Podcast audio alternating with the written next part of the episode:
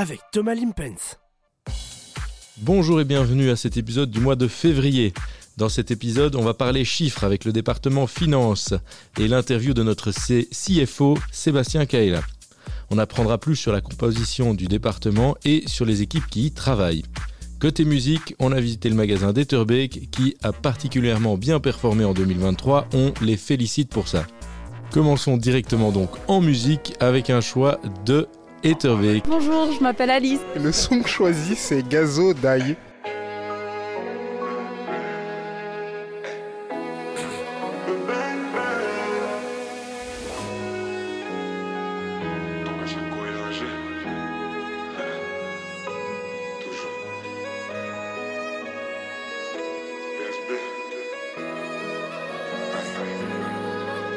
Tu crois que je t'évite alors que je maille Elle veut savoir je suis dans quel bail.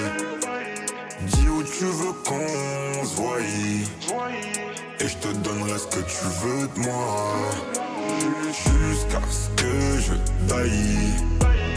Mission il va falloir que j'y aille. Jusqu'à ce que je taille. Elle veut savoir comment que je maille. Nouvelle Donc partout je la répands On achète, on revend On arrête, on reprend Nouvelle cargaison Donc partout je la répands On achète, on revend On arrête, on reprend Avec un peu de bien et de mal en effet J'ai fumé ton doré mais j'attends les faits Je suis plus un ange, je sais en effet On était liés mais on s'est défait Devant les gens, ils me diront mon frère. Première occasion qu'on sera à me faire. Je me roule un grip pour me calmer les nerfs. Et on se dit, ah, dans quelques millénaires. Veulent voler mon flow et veulent voler ma zik. C'est mes baby des tout petits nous. Pour eux que des baffes et des coups de genoux. Tes mains, t'as dégaine, t'as tout chez nous. C'est Yon qui l'a bipé mon bigot magique. Ton caillou arrive, je suis dans le carrosse. Appelle à Paris des tout petits bouts. Genre bibi di bobi di bobi di bou. Tu crois que je t'évite alors que je maille. Elle veut savoir je suis dans quel bail. Dis où tu veux qu'on se voie Et je te donnerai ce que tu veux de moi Jusqu'à ce que je Mission il va falloir que j'y aille. Jusqu'à ce que je baille Elle veut savoir comment que je maille. Tais-toi et profite du moment. Jusqu'à ce que je taille. Pourquoi je t'ai pas connu avant? Là, moi j'ai fait ma maille Tais-toi et profite du moment.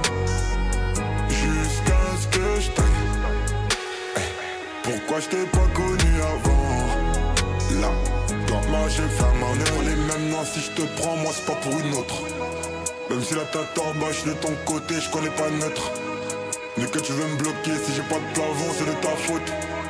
Car si j'ai pas de talbin, tu diras sûrement que c'est de ma faute. Donc, tu crois que je t'évite alors que je maille? Elle veut savoir je suis dans quel bail. Dis où tu veux qu'on se. Et je te donnerai ce que tu veux de moi. Jusqu'à ce que je baille. Mission, il va falloir que j'y aille. Jusqu'à ce que je taille savoir comment que je maille Jusqu'à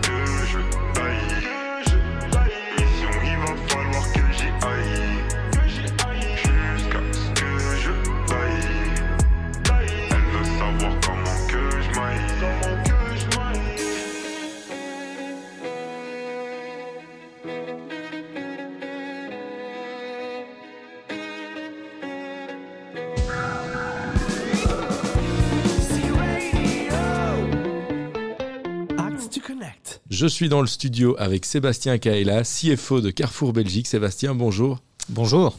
Alors Sébastien, quel est ton parcours chez Carrefour? Raconte-nous, parle-nous un peu de toi. Eh bien, écoute, euh, je suis arrivé en Belgique il y a maintenant euh, 15 mois. Euh, auparavant, j'ai travaillé en France, euh, chez Carrefour, que j'ai rejoint en 1995, donc il y a maintenant 29 ans. Bravo. Et j'ai eu l'occasion de travailler euh, voilà, dans, dans la finance, dans différents, différents départements de la finance, au sein des supermarchés, euh, en franchise et en intégré, puis des hypermarchés. Et enfin, juste avant d'arriver en Belgique, j'ai été le directeur du contrôle de gestion euh, de la France. Voilà, en tout cas, je suis ravi d'être ici en, Belgique où j'ai été fort bien accueilli. Et je dois admettre qu'il fait bon vivre. Sauf, bon, parfois la météo est un peu capricieuse, mais bon. On, est, on commence à, s'y habituer, mais merci, ça nous fait plaisir de, que ça te fasse plaisir. donc, de finance, justement, euh, parle-nous un peu de l'équipe finance, comment elle se constitue? Alors la finance, j'ai coutume de dire que c'est une grande maison parce qu'elle regroupe dix départements, euh, le contrôle de gestion, la comptabilité, la trésorerie, la fiscalité, le contrôle interne, l'administration commerciale, les achats non marchands, la banque Carrefour Fimazer, l'immobilier et l'expansion, et enfin la transformation finance. Voilà, donc le rôle de la finance, en gros, euh, euh, c'est un rôle un peu régalien. Hein, d'une manière générale, elle est garante de la fiabilité euh, des comptes et elle assure la pérennité et la rentabilité à long terme. Mais surtout, elle accompagne les opérations dans le pilotage de la performance, c'est-à-dire la marge, la démarque, les coûts de distribution, les stocks, le cash et toutes les décisions d'investissement. C'est très clair. Et donc, quels sont les challenges pour, pour Carrefour Belgique et pour le département finance en 2024 alors, il y en a, a quelques-uns. Euh, on va commencer par la, transformation de, la finance, dont vous entendez peut-être parler. Hein. Nous avons lancé la transformation de la finance en septembre dernier. Euh, c'est ce que nous appelons le projet Finance Forward. Euh, et nous devons cette année finaliser la datation de notre organisation et mettre en œuvre tous les leviers que nous avons identifiés, c'est-à-dire de, nouveaux process et de nouveaux outils. Alors j'en citerai euh, quelques-uns. Euh, il y a le catalogue des services, on va rationaliser en fait nos reporting à destination des, des opérationnels, la nouvelle organisation FBP, FPNA euh, au niveau du, du, contrôle de gestion, la data vise, l'idée étant de simplifier l'accès des magasins et des opérationnels à tous les reportings financiers. Il y a le RP, euh, c'est-à-dire notre outil comptable. Hein, euh, l'idée étant de, migrer de SAP FICO vers euh, S4ANA, qui est une nouvelle version de, SAP. Il y a le PM, qui est un outil qui permettra de réaliser des budgets, des rolling forecasts de manière collaborative et beaucoup plus friendly, le tout online. Et puis côté ATCO, nous avons entrepris un travail sur les process end-to-end avec la marchandise pour renforcer les liens. Alors, le, but de cette euh, euh, transformation, en fait, c'est de moderniser la finance, de la rendre beaucoup plus agile, plus data-oriented, comme on dit, euh, et de digitaliser au maximum. Et donc, nous avons cinq objectifs simplifier, harmoniser, accélérer, automatiser et digitaliser. Alors, je voudrais juste préciser un peu l'approche euh, que, nous mettons en place hein, pour, euh, pour euh, réaliser cette transformation. On se base sur une pyramide finalement assez simple, dont le socle est la, culture, c'est-à-dire nous, les collaborateurs, le fait d'avoir un état d'esprit un peu plus ouvert sur, sur la transformation. puis on a les process, il va falloir qu'on travaille sur tous nos processus pour les simplifier, comme je disais, les harmoniser, les standardiser et euh, avec l'idée de supprimer aussi tout ce qui est tâches euh, sans valeur ajoutée. Et enfin, on a les outils. Les outils, ce sont donc les solutions euh, IT que nous allons mettre en place pour nous permettre d'être beaucoup plus efficaces. Voilà. Je voudrais aussi préciser qu'une transformation, elle est réussie que si nous travaillons sur la culture. Hein. C'est vraiment, j'insiste là-dessus, sur le, sur le socle. Euh, c'est le socle, hein, c'est la base. Euh, et pour ça, il faut définir en fait euh, le pourquoi on, doit se transformer. En fait, finalement, quelle est la, raison d'être C'est ce que nous avons fait il y a un an, grâce à, un vote collectif de toute l'équipe finance. Hein, nous avons une raison d'être qui nous aidera à faire les bons choix pendant cette transformation. Et cette raison d'être, c'est garantir la qualité des données afin de guider la performance et les décisions. Voilà, je suis convaincu que nous réussirons cette transformation grâce à une, collaboration efficace, constructive et dynamique entre les équipes euh, finance, mais également entre la finance et les autres départements du Service Center, euh, avec comme objectif d'apporter une plus grande valeur ajoutée de la finance à tout le Service Center, mais également au magasin. Et la réussite d'un tel, projet de transformation, euh, qu'on ne vit qu'une ou deux fois dans sa vie professionnelle, j'insiste, elle passe avant tout par les hommes et, les femmes. et la clé, c'est vraiment la collaboration. Et en ce sens, l'approche Ubuntu va beaucoup nous aider. Hein. Et alors on le cite souvent, mais il y a un proverbe qui dit euh, seul on va plus vite, ensemble on va plus loin. Mais moi j'en suis convaincu. Euh, il va falloir voilà qu'on se mette tous ensemble. On se mette tous ensemble pour, pour réussir. Et, et, je pense que ce sera une belle réussite voilà pour tout le monde. On fait une petite pause musicale avec une chanson du magasin d'Etterbeek et on revient tout de suite avec Sébastien Kaila. Euh, bonjour, je m'appelle Harry. J'aimerais partager le son cette année-là de Claude François.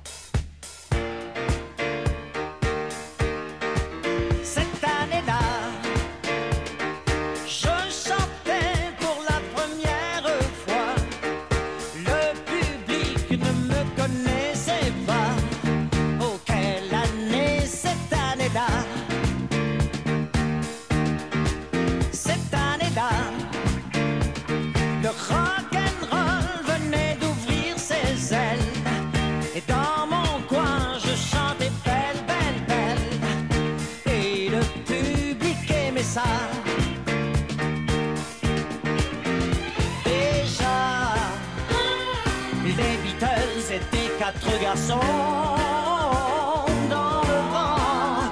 Et moi ma chanson disait marche tout droit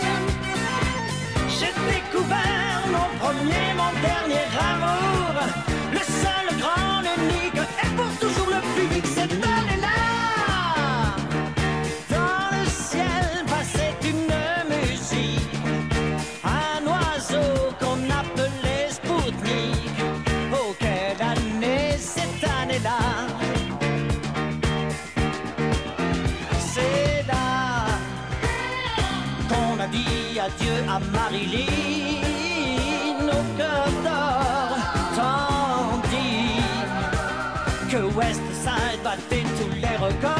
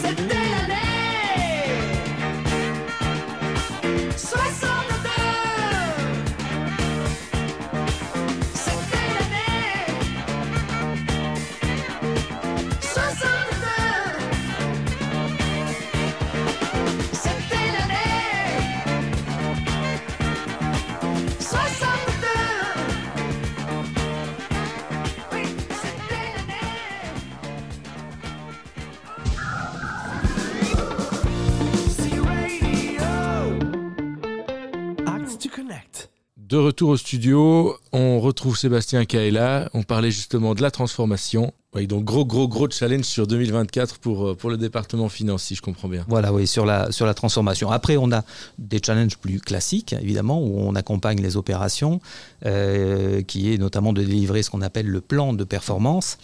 Euh, c'est-à-dire tous nos enjeux de réduction de coûts, hein, grâce d'une part à l'amélioration de la productivité, d'autre part au, au cost killing. Hein. Et dans le cost-killing, on a deux volets. On a le, le contrôle de la, de la demande. Par exemple, c'est baisser nos consommations d'énergie. Hein. On sensibilise beaucoup les magasins euh, sur le, sur le sujet. On digitalise également nos folders. Ça en fait partie. On essaie de réduire aussi tous nos honoraires. Euh, voilà. Et, finalement, on essaie toujours de se poser la question est-ce que j'ai vraiment besoin d'engager cette dépense dans l'intérêt de, de l'entreprise? Si la réponse est oui, on y va. Si la réponse est non, ben on essaie de, de l'éviter ou, de ou de la décaler. Euh, et, ou bien on se pose la question quel est le retour sur investissement de cette dépense? Euh, S'il euh, y a un bon retour sur investissement, ben on y va, on, dépense. Voilà. Et c'est Patricia Fierce aujourd'hui qui est désormais en charge d'aider et de challenger les différents services pour réduire nos coûts Et puis donc ça c'est le premier volet du cost killing, le contrôle de la demande. Et puis il y a un deuxième volet qui est la performance euh, à l'achat, hein, des achats non marchands. Donc là ce sont les équipes euh, d'acheteurs, de négociateurs qui vont sans cesse renégocier avec les fournisseurs les meilleurs prix tout en maintenant un bon niveau de service conforme évidemment à notre cahier des charges. Ok, merci Sébastien, c'était très clair. Euh, tu es venu aussi aujourd'hui pour nous parler de 2023. On est en février maintenant. L'année est finie. Euh, et donc, on voudrait savoir euh, quels sont les résultats finalement de, cette année 2023. Alors, effectivement, nous sommes euh, plutôt fiers des résultats de 2023 qui ont été meilleurs que ce que nous avions budgété, mais petit bémol, nous sommes toujours encore un petit peu en perte. le retour, on va dire, à l'équilibre et aux résultats positifs est prévu pour, pour 2024. Euh, alors, il faut quand même rappeler que dans un contexte qui a été fortement dégradé hein, par l'inflation euh, des prix et l'inflation de nos coûts en, 2023, on a eu plus de 100 millions d'euros euh, d'inflation de, nos coûts en 2023. Nous avons réalisé une belle performance hein, sur le chiffre d'affaires qui a progressé de plus 9% en comparable par rapport à 2022. Et, ce, tout en nous repositionnant en prix, c'est ça qui est important, par rapport à, à de 4,8 versus janvier 2023. Euh, dans ce contexte, donc, nous avons réalisé un, résultat euh, qu'on appelle le ROC, un résultat opérationnel courant, euh, en écart favorable versus budget de plus 18 millions d'euros, ce qui est très important ici en Belgique. Et nous avons surtout réussi à équilibrer notre net free cash flow en l'améliorant de plus 33 millions d'euros versus budget. Je, parle du net free cash flow parce que c'est une composante importante, hein, c'est notre capacité à générer du, cash et euh, la santé d'une entreprise se mesure à sa capacité euh, à faire du résultat certes mais surtout à générer du cash et ça a été le, cas cette année donc euh, pour 2023 on est plutôt satisfait. Ok, merci beaucoup. Donc, donc du bon pour 2023 et des gros challenges pour 2024. Exactement. On espère, que tout ira bien. Sébastien, une dernière question un peu moins financière. Est-ce que tu as une chanson à partager à nos auditeurs? Euh, oui, oui, oui, avec plaisir. Moi, je suis un fan de, Radiohead et il y a un morceau que j'adore particulièrement qui est euh, Street Spirit euh, Fade Out. Super, on s'écoute ça tout de suite. Merci Sébastien, à bientôt. Merci à vous.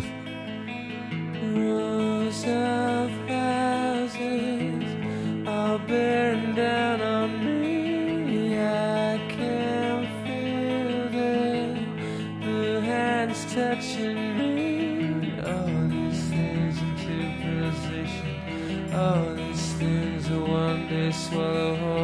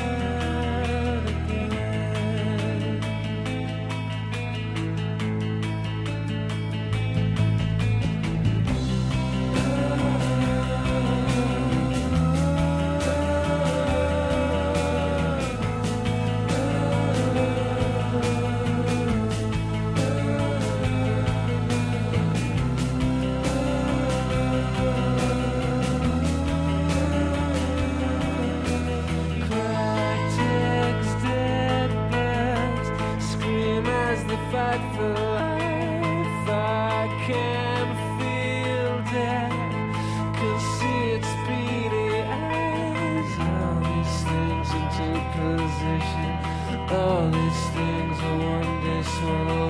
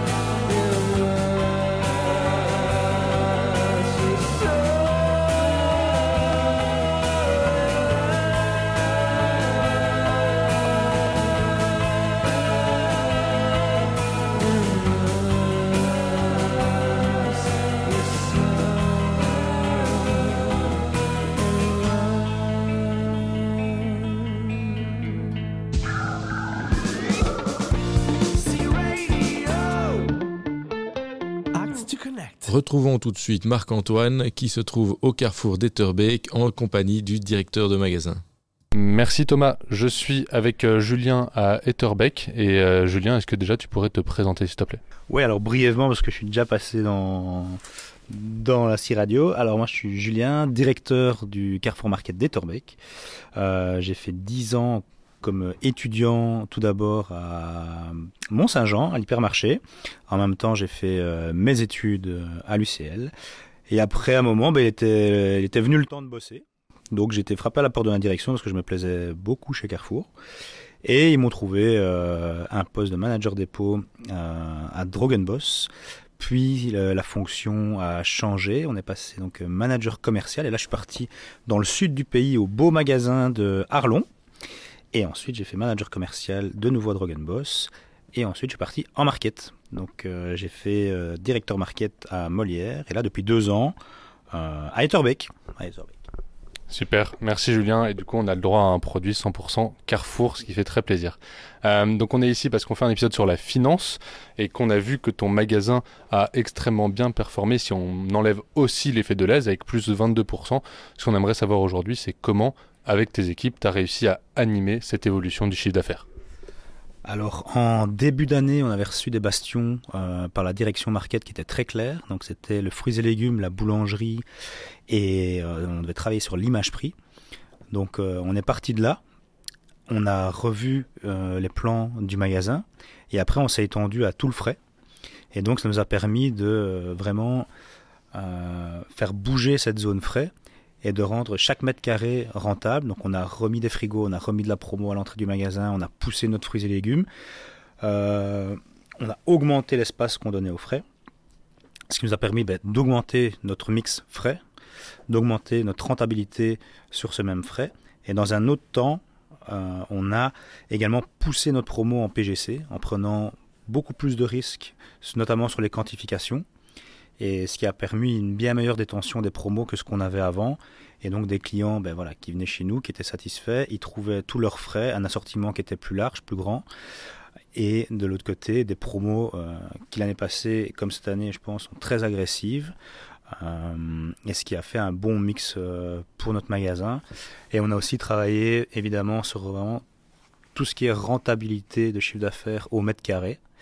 Euh, donc on était à 8200 aidés, je pense, en 2022. On est passé à 10 000 en se posant la question de est-ce que chaque mètre de notre magasin est rentable? Voilà. Et quand ça n'était pas le cas, on trouvait une autre idée. Si c'était toujours pas bon, on rechangeait, on mettait autre chose, jusqu'à trouver la bonne formule. Trop bien, bah bravo pour euh, tous ces efforts, hein, parce que félicitations euh, pour cette année, très très belle année. Si on va dans un truc un peu plus spécifique, comment est-ce qu'on peut arriver vraiment à cette bonne dernière ligne euh, du TB euh, Quel conseil tu pourrais donner pour ça? Ouais, je pense pas que j'ai vraiment de conseils à donner, mais euh, ça c'est un travail qu'on a entrepris euh, il y a déjà un petit temps. On a changé une partie de l'équipe il y a déjà deux ans, deux ans et demi maintenant. Et sans, si on ne les emmène pas avec nous, si on crée pas une atmosphère dans le magasin, si on crée pas une ambiance dans le magasin, on peut avoir toutes les bonnes volontés du monde. Si les gens ils vous suivent pas, euh, tout seul, euh, vous arriverez nulle part. Donc ça a été de recréer vraiment une dynamique avec les, managers, les assistants, les collaborateurs, les étudiants, où euh, ils sont vraiment, c'est leur magasin, ils sont fiers de leur magasin et ils ont un esprit de vainqueur et de gagnant. Donc ils savent que l'année passée, par exemple, on a terminé deuxième en termes de ranking. Ben voilà, ils savent que cette année, l'objectif c'est d'être premier et c'est eux qui viennent me voir. Ah, on était premier ce week-end, on était premier samedi. Donc voilà, on sent qu'ils ont maintenant un, esprit où on a réussi à les emmener avec nous. Ça, c'est la première chose. Et après, c'est d'identifier un peu bah, les, forces et les faiblesses du magasin et ce qu'attend la clientèle. Il y a des choses qui sont euh, spécifiques, surtout en market, qui vont être euh, très spécifiques au Carrefour Market d'Etterbeek, très recherchées par nos clients, et peut-être que deux kilomètres plus loin, c'est pas le cas. Et donc, c'est vraiment de travailler, comme je le disais juste avant, sur le chiffre d'affaires au mètre carré, quelque chose qui va peut-être pas intéresser nos clients. Voilà, on doit le remplacer par quelque chose qui les intéresse beaucoup. Euh, si, je dois prendre un exemple comme ça, on avait fait au départ une très très belle zone euh, de boulangerie industrielle euh, à un endroit dans le magasin qui finalement ben, tournait, mais pas des masses des masses, on l'a déplacé. On a mis un corner italien à la place. On est près de la Commission européenne, il y a beaucoup d'étrangers qui y travaillent, qui habitent le quartier, et là c'est un succès. Donc voilà. Donc c'est vraiment, en tout cas pour Marquette, de euh, pouvoir se dire, ok, ça c'est euh, ce qu'on nous demande de faire, qu'attendent les clients, qu'est-ce qu'ils désirent voir dans ce magasin? Et donc ça, ça passe aussi par les tables rondes euh, avec nos clients, savoir ce qu'on faisait mal et qu'on a pu améliorer, et euh, savoir eux ce qu'ils attendaient, quoi, leurs attentes. Donc euh, voilà. Trop bien, merci. Bah écoute, comme euh, je fais mes courses ici, j'essaierai de participer à ce ranking qui passera numéro 1. Il va falloir que j'en fasse beaucoup. Euh, pour un peu euh, finir sur cette partie-là, est-ce que tu aurais en plus quelques bonnes pratiques parce que tu as déjà transmis beaucoup de choses ou, euh, ou pas? Moi, je pense que j'ai rien de plus vraiment à dire que ce que j'ai dit, mais je pense vraiment que créer une ambiance magasin où il fait vraiment bon de venir travailler, où les gens sont souriants, les gens sont contents, je pense que le client le ressent. Donc, euh, quand il y a une bonne ambiance dans le magasin, je pense que les clients le sentent et se sentent à leur tour bien dans le magasin.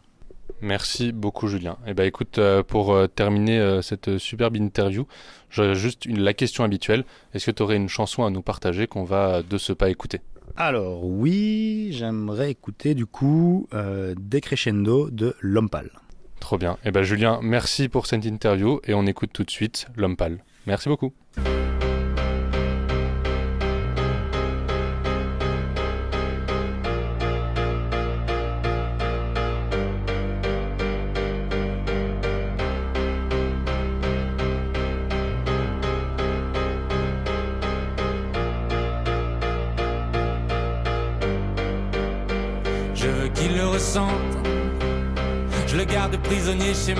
Les prochains mois seront moches et on va les passer ensemble.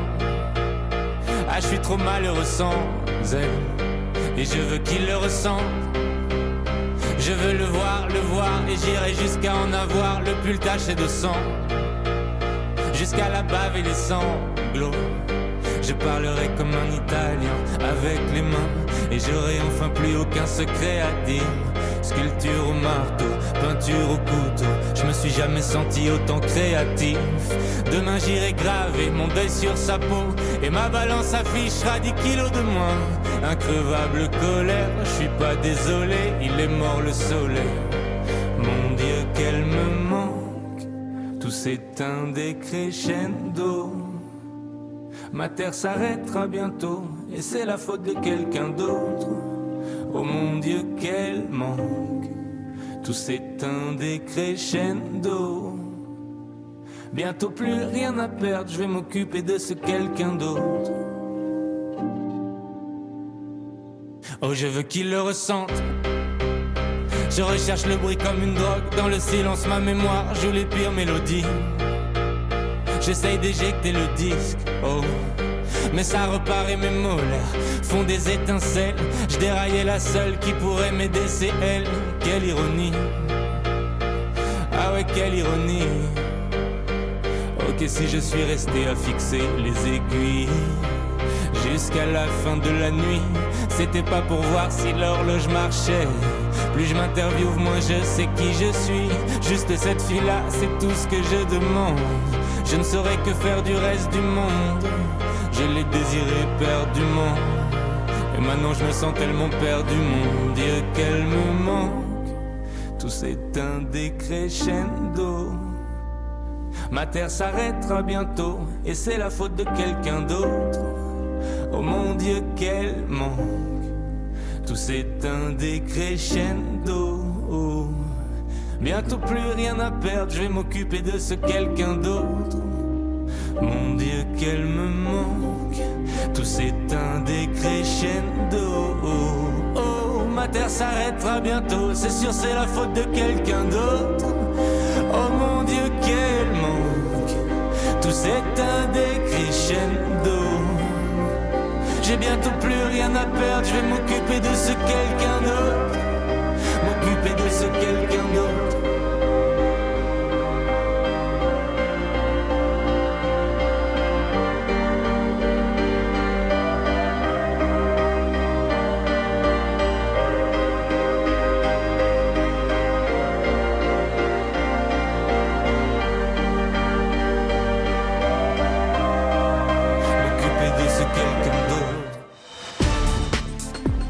Radio. News. Tout de suite les news avec Olivier Manger. Bonjour Thomas et bonjour à tous. Alors il y a un mot qui est sur toutes les lèvres des employés Carrefour en ce début d'année, c'est le mot Ubuntu, qui signifie humanité et solidarité. Des workshops ont lieu dans différentes équipes afin d'améliorer la communication au sein des équipes et entre les différentes équipes des service centers et des magasins. Comme le dit le proverbe, seul on va plus vite, ensemble on va plus loin. Le NPS ou Net Promoter Score est l'indicateur de la satisfaction de nos clients. Nous avons atteint des chiffres records en fin d'année 2023. À présent, nous avons reçu un objectif ambitieux de 57,8 pour l'année 2024. Il s'agira donc de ne pas se reposer sur nos lauriers. 2024 a d'ailleurs bien commencé avec un score de 58,1 en janvier.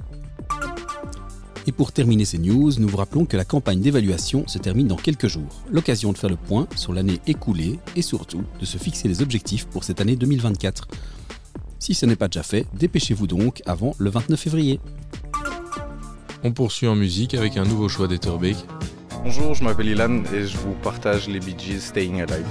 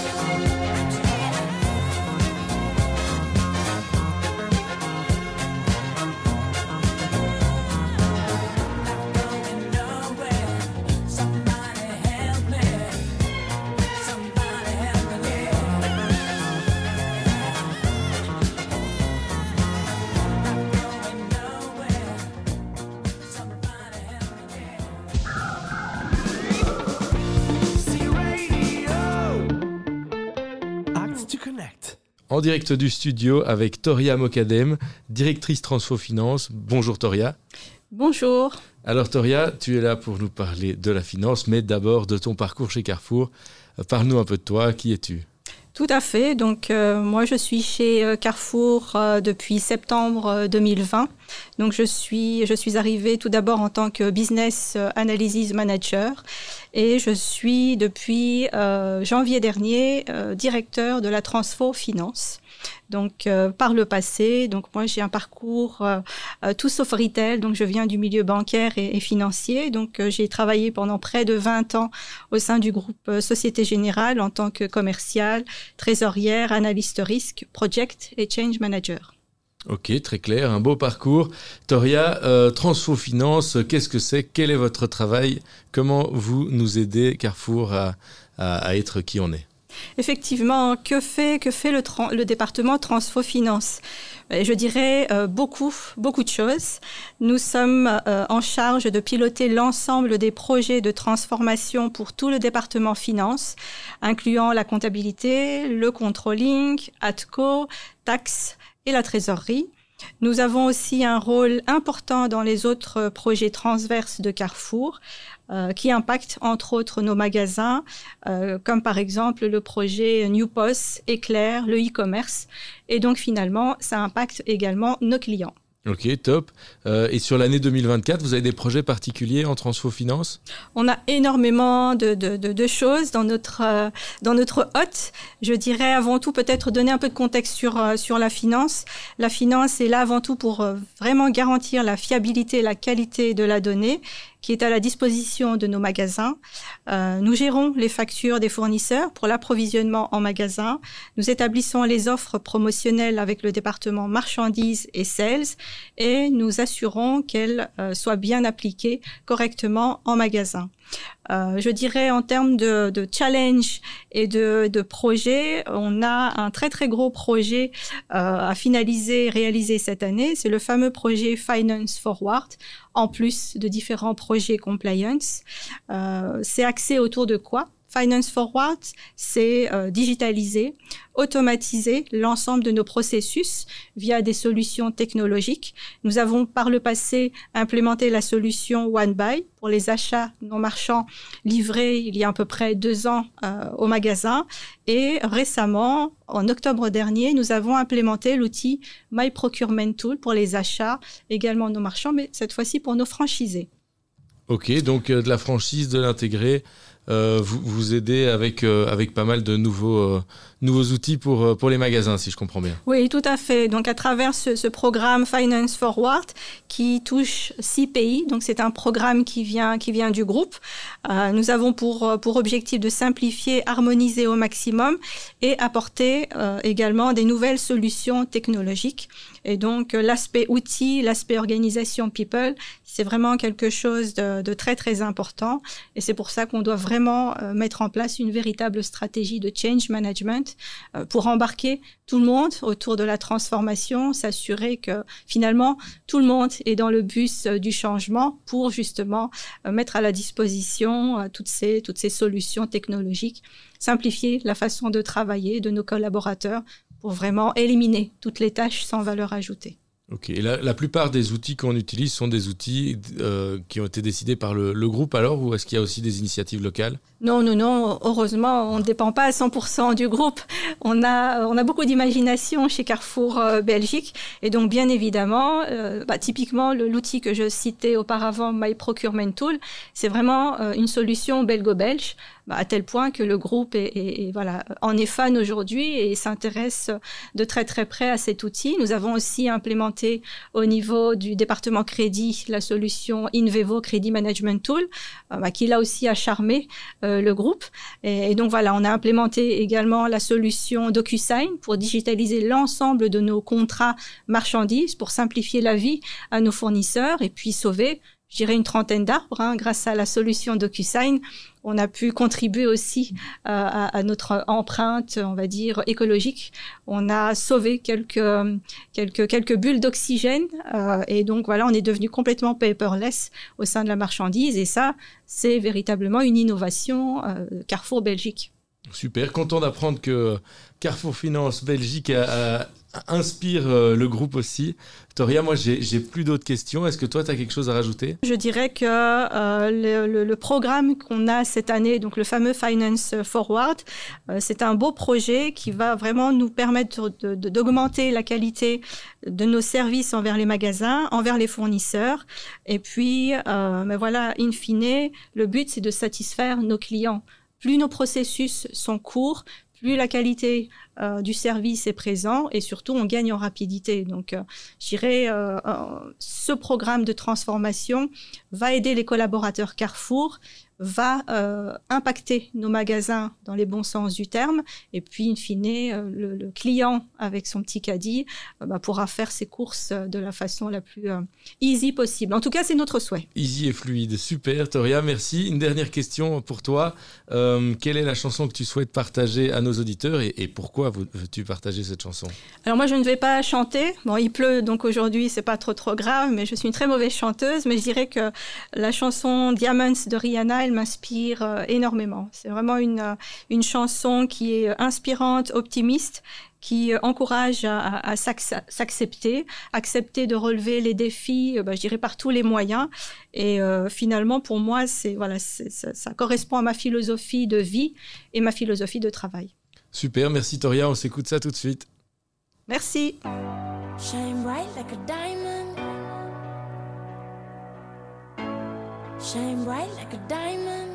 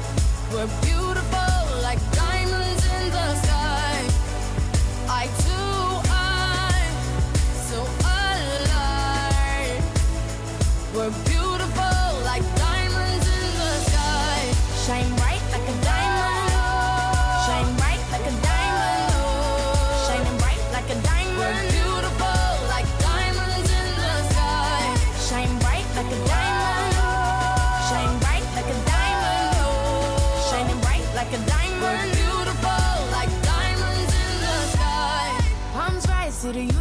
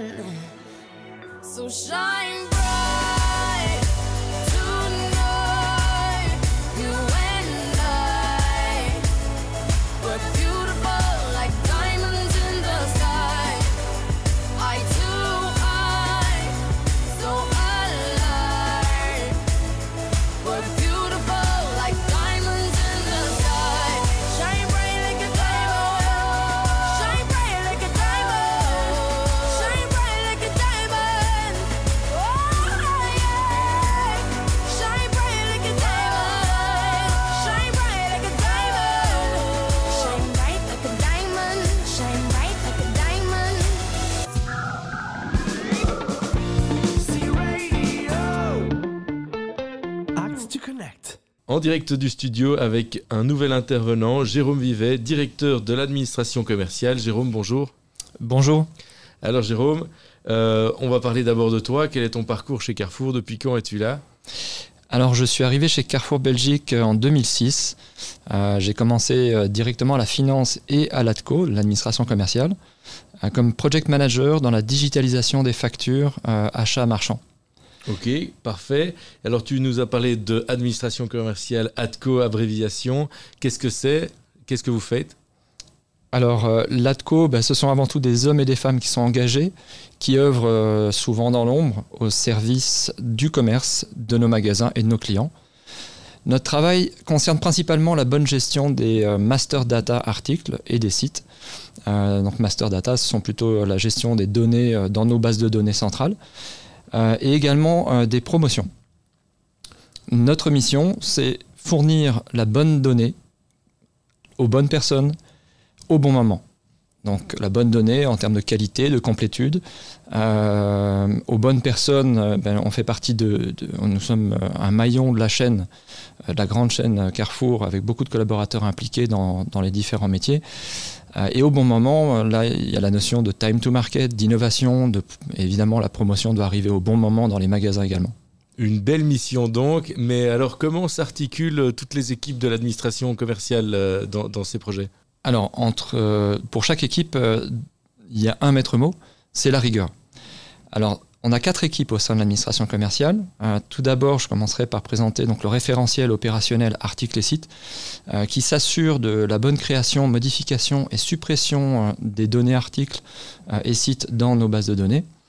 Et ce qui permet donc de, rendre l'article commandable, réceptionnable et vendable. Ensuite, on a le référentiel digital, qui est le pendant du référentiel opérationnel, qui lui va être en charge d'enrichir l'information de nos articles avec les données qui sont euh, plutôt à destination de nos clients et les données digitales, euh, mais également les médias. Donc on va y rajouter des photos de produits et on va y rajouter tout un tas d'informations à destination de nos clients finaux, euh, comme on peut les retrouver par exemple sur le site e-commerce. Parfait, très clair. Ensuite, en troisième équipe, nous avons la gestion promo, la GESPRO, qui, du plan de vente jusqu'à l'application des mécaniques promotionnelles, en passant par la quantification, euh, s'occupe euh, du bon fonctionnement des données euh, promotionnelles dans nos systèmes. Tout doit être intégré, contrôlé en temps et en heure dans les systèmes centraux pour le succès des actions pro- promotionnelles. Et puis, comme la quantité des données que nous manipulons est, assez gigantesque et que nous avons de nombreux flux et systèmes, même si ça fait partie de nos objectifs, le zéro erreur n'existe pas encore. Il est donc important euh, de réagir vite euh, en cas de problème, euh, et c'est pour ça qu'il y a une quatrième équipe qui s'appelle le Helpdesk Data. Ok, parfait, merci beaucoup. Euh, et donc cette équipe LDS Data, comment s'articule-t-elle? Que font-ils? Alors, via le système de ticketing centralisé Fresh Service que nous avons mis en place euh, il y a un peu plus d'un an, euh, comme pour les autres helpdesk, euh, IT ou euh, logistique, euh, nous euh, répondons aux demandes et aux incidents que nous remontent les magasins. En 2023, pour donner un exemple, euh, ce sont environ 9000 tickets, donc 9000 incidents euh, qui nous ont été remontés par nos magasins, avec environ 13 000 références impliquées. Donc ça fait à peu près 170 tickets par semaine. Nous travaillons pour plus de, 105 de 750 magasins euh, et ce sont environ 55% de demandes qui nous arrivent de nos magasins franchisés. Merci Jérôme. Donc tu me, tu me disais que, que les magasins remontaient des problèmes. Mais quel type de problèmes remontent-ils donc? Alors ce sont pour nous tous les problèmes liés aux données. Donc l'article par exemple ne scanne pas la caisse. Euh, il est inconnu dans Winstore. Le prix est erroné, la promotion ne fonctionne pas, les points bonus ne sont pas attribués. Le magasin veut commander l'article et ça ne fonctionne pas. Euh, des informations erronées figurent sur une affiche, etc. etc. Et donc Jérôme, comment font euh, le LDS Data, comment fait le LDS Data pour répondre aux, demandes des magasins? Comme, je l'ai dit, euh, chaque jour, le LDS Data répond euh, aux demandes de, no- de nos magasins. Nous aidons les magasins précisément par l'essence même de notre fonction, en fait, donc euh, une fonction de support. Donc nous sommes un service d'assistance directe et de résolution de problèmes. Il faut savoir qu'un quart des demandes qui sont faites au helpdesk data sont résolues immédiatement après une brève analyse. Et pour les trois quarts restants, nous faisons appel à des, partenaires qui vont nous apporter les solutions. Euh, et donc, euh, ils doivent procéder à une adaptation euh, dans les services centraux, donc on ne peut pas le faire en direct via le helpdesk data. Après ces adaptations, le helpdesk data vérifie tout de même que dans, tous les systèmes, que ce soit Winstore, OBP, MyCadencier, etc., que tout est en ordre pour le magasin et qu'on peut clôturer le ticket. Nous travaillons donc avec des agents, des agents qui sont recrutés euh, avec une expérience magasin. Donc ce sont des gens qui viennent des magasins, du monde des magasins, et, donc qui comprennent les besoins des magasins. Et nous avons également un autre rôle, c'est de rendre visible ce qui se passe. Euh, et donc pour ça, nous, euh, nous, extra- nous- nous faisons des extractions euh, de données et de rapports de l'outil qui nous permettent de euh, partager avec un, un certain nombre de départements euh, les problématiques les plus récurrentes et également euh, de trouver des solutions structurelles avec eux. Ok, Claire. Euh, Est-ce que l'ATCO a des projets prioritaires sur cette année 2024 Alors oui, euh, en 2024, euh, on a des, des gros sujets. Alors on, on fait partie de la finance et donc on participe pleinement euh, au projet Finance Forward, euh, qui comme son nom le laisse entendre, euh, c'est une évolution vers une, une version améliorée de nous-mêmes. En ce qui concerne l'ATCO, tout en maintenant un haut niveau d'exigence sur l'exécution, nous avons lancé en fin 2023 un travail en profondeur sur l'amélioration de nos processus et la modernisation de nos outils.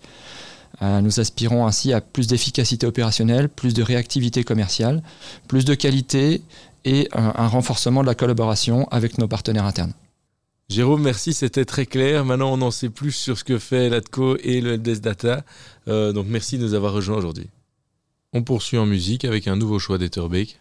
Bonjour à tous, c'est Lara. Je vais vous passer ma meilleure chanson de Chase Atlantic, Consume.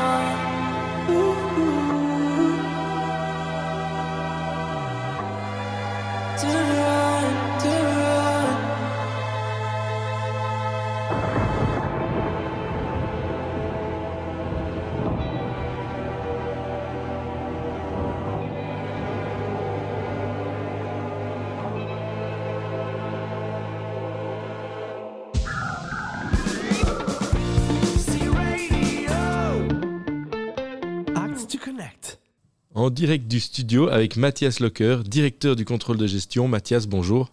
Bonjour. Alors Mathias, quel est ton parcours chez Carrefour? Depuis quand nous as-tu rejoint?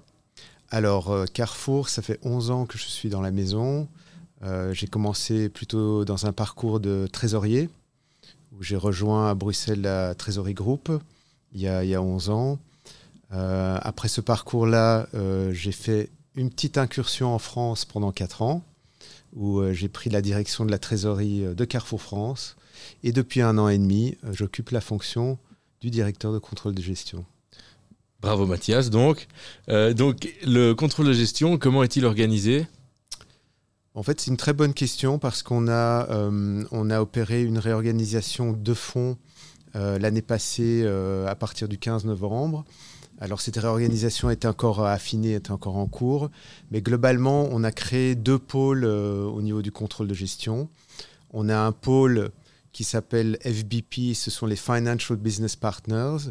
Ce sont en fait quelque part les mini euh, directeurs financiers qui euh, sont les partenaires euh, des directeurs opérationnels, directeurs marchandises, en tout cas les directeurs des différentes BU, et qui accompagnent ces directeurs dans leur prise de décision, dans leur stratégie, dans leur plan d'action, et donc qui sont vraiment les partenaires financiers tels qu'un DAF ou un CFO pourrait l'être euh, à un niveau, euh, je dirais, euh, au niveau, au niveau groupe ou au niveau pays.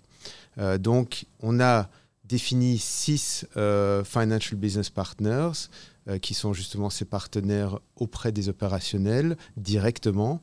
Et de l'autre côté, on a un pôle qui est vraiment un pôle d'analystes, d'analystes financiers qui vont, eux, réaliser euh, tous les calculs des cycles budgétaires, les cycles de, de ré, reforecast, ça veut dire que tous tous les forecasts et les prévisions à court terme. Et ils vont aussi accompagner les FBP pour toute analyse ad hoc qui serait nécessaire. En plus, euh, l'accompagnement des différents reporting qu'on met à disposition de l'ensemble des opérationnels. À côté euh, justement de ce pôle d'analystes et en support du pôle d'analystes, nous avons des équipes data euh, qui sont vraiment des spécialistes, des business analysts qui vont faire le lien entre le business et la data pour créer et, euh, je dirais faire vivre tous les reportings financiers de l'entreprise. Merci Mathias, c'est très clair. Alors par la suite, comment les magasins sont aidés par vos services, par vos contrôleurs de gestion? En fait, notre toute première mission, c'est vraiment de mettre à disposition de la donnée fiable dans un format intelligible pour aider les magasins à prendre des décisions et à mener euh, à bien leur plan d'action. Et donc, j'encourage vraiment tout le monde à porter à ma connaissance si certains indicateurs sont manquants ou pas suffisamment clairs. Et dans une approche un peu plus fondamentale, vous savez que notre réseau de magasins intégrés est toujours déficitaire. Donc, l'ensemble de mon équipe et ses partenaires internes donc, nous sommes collectivement à l'œuvre pour sortir du rouge. Euh, il n'y a que comme ça que nous pourrons assurer un avenir pérenne à nos magasins. Voilà, et donc nous travaillons sur toutes les lignes du compte des résultats, en commençant par le chiffre. Nous surveillons la dynamique commerciale et notre part de marché. Ensuite, bien sûr, on a le travail sur la marge marchandise, assurer le meilleur mix produit pour générer de l'attractivité, mais également en optimisant notre taux de marge. Et il y a évidemment aussi la lutte contre euh, la démarque, qui est un élément essentiel du pilotage euh, en magasin. Puis on a les coûts logistiques, pour lesquels nous cher- cherchons inlassablement euh, des pistes d'amélioration et de négociation. Nous avons évidemment les frais de personnel, où nous challengeons les magasins et assurons le respect des budgets en heures. Et pour terminer, évidemment, les frais généraux, où nous trouvons d'un côté la négociation avec les prestataires, mais aussi des éléments de gestion en magasin, comme par exemple l'économie d'énergie. Donc voilà, nous travaillons sur un périmètre à 360 degrés pour aider les managers de l'entreprise à redresser la barre. Super, et euh, j'espère qu'elle se redressera vite alors. Ah, moi Merci. aussi. Merci, Merci beaucoup, beaucoup. Mathias. C'est déjà la fin de notre épisode du mois de février 2024. On a appris énormément de choses sur le département finance et de, quelle manière est-il articulé. Toria a parlé euh, des transformations, Mathias a parlé du contrôle de gestion et de comment font-ils pour aider les magasins d'un point de vue financier, et enfin Jérôme a parlé de l'administration commerciale et de l'helpdesk data. Je souligne et je retiens les mots de Sébastien à propos des bons résultats de Carrefour 2023. Je nous félicite tous pour le travail accompli. Merci encore au Carrefour d'Etterbeek pour les musiques et euh, d'avoir participé aux interviews avec Marc-Antoine. On se retrouve le mois prochain pour un nouvel épisode. On se quitte en chanson avec un dernier choix. Bonjour, je m'appelle Nicolas. Je vais vous partager Man in the Mirror de Michael Jackson.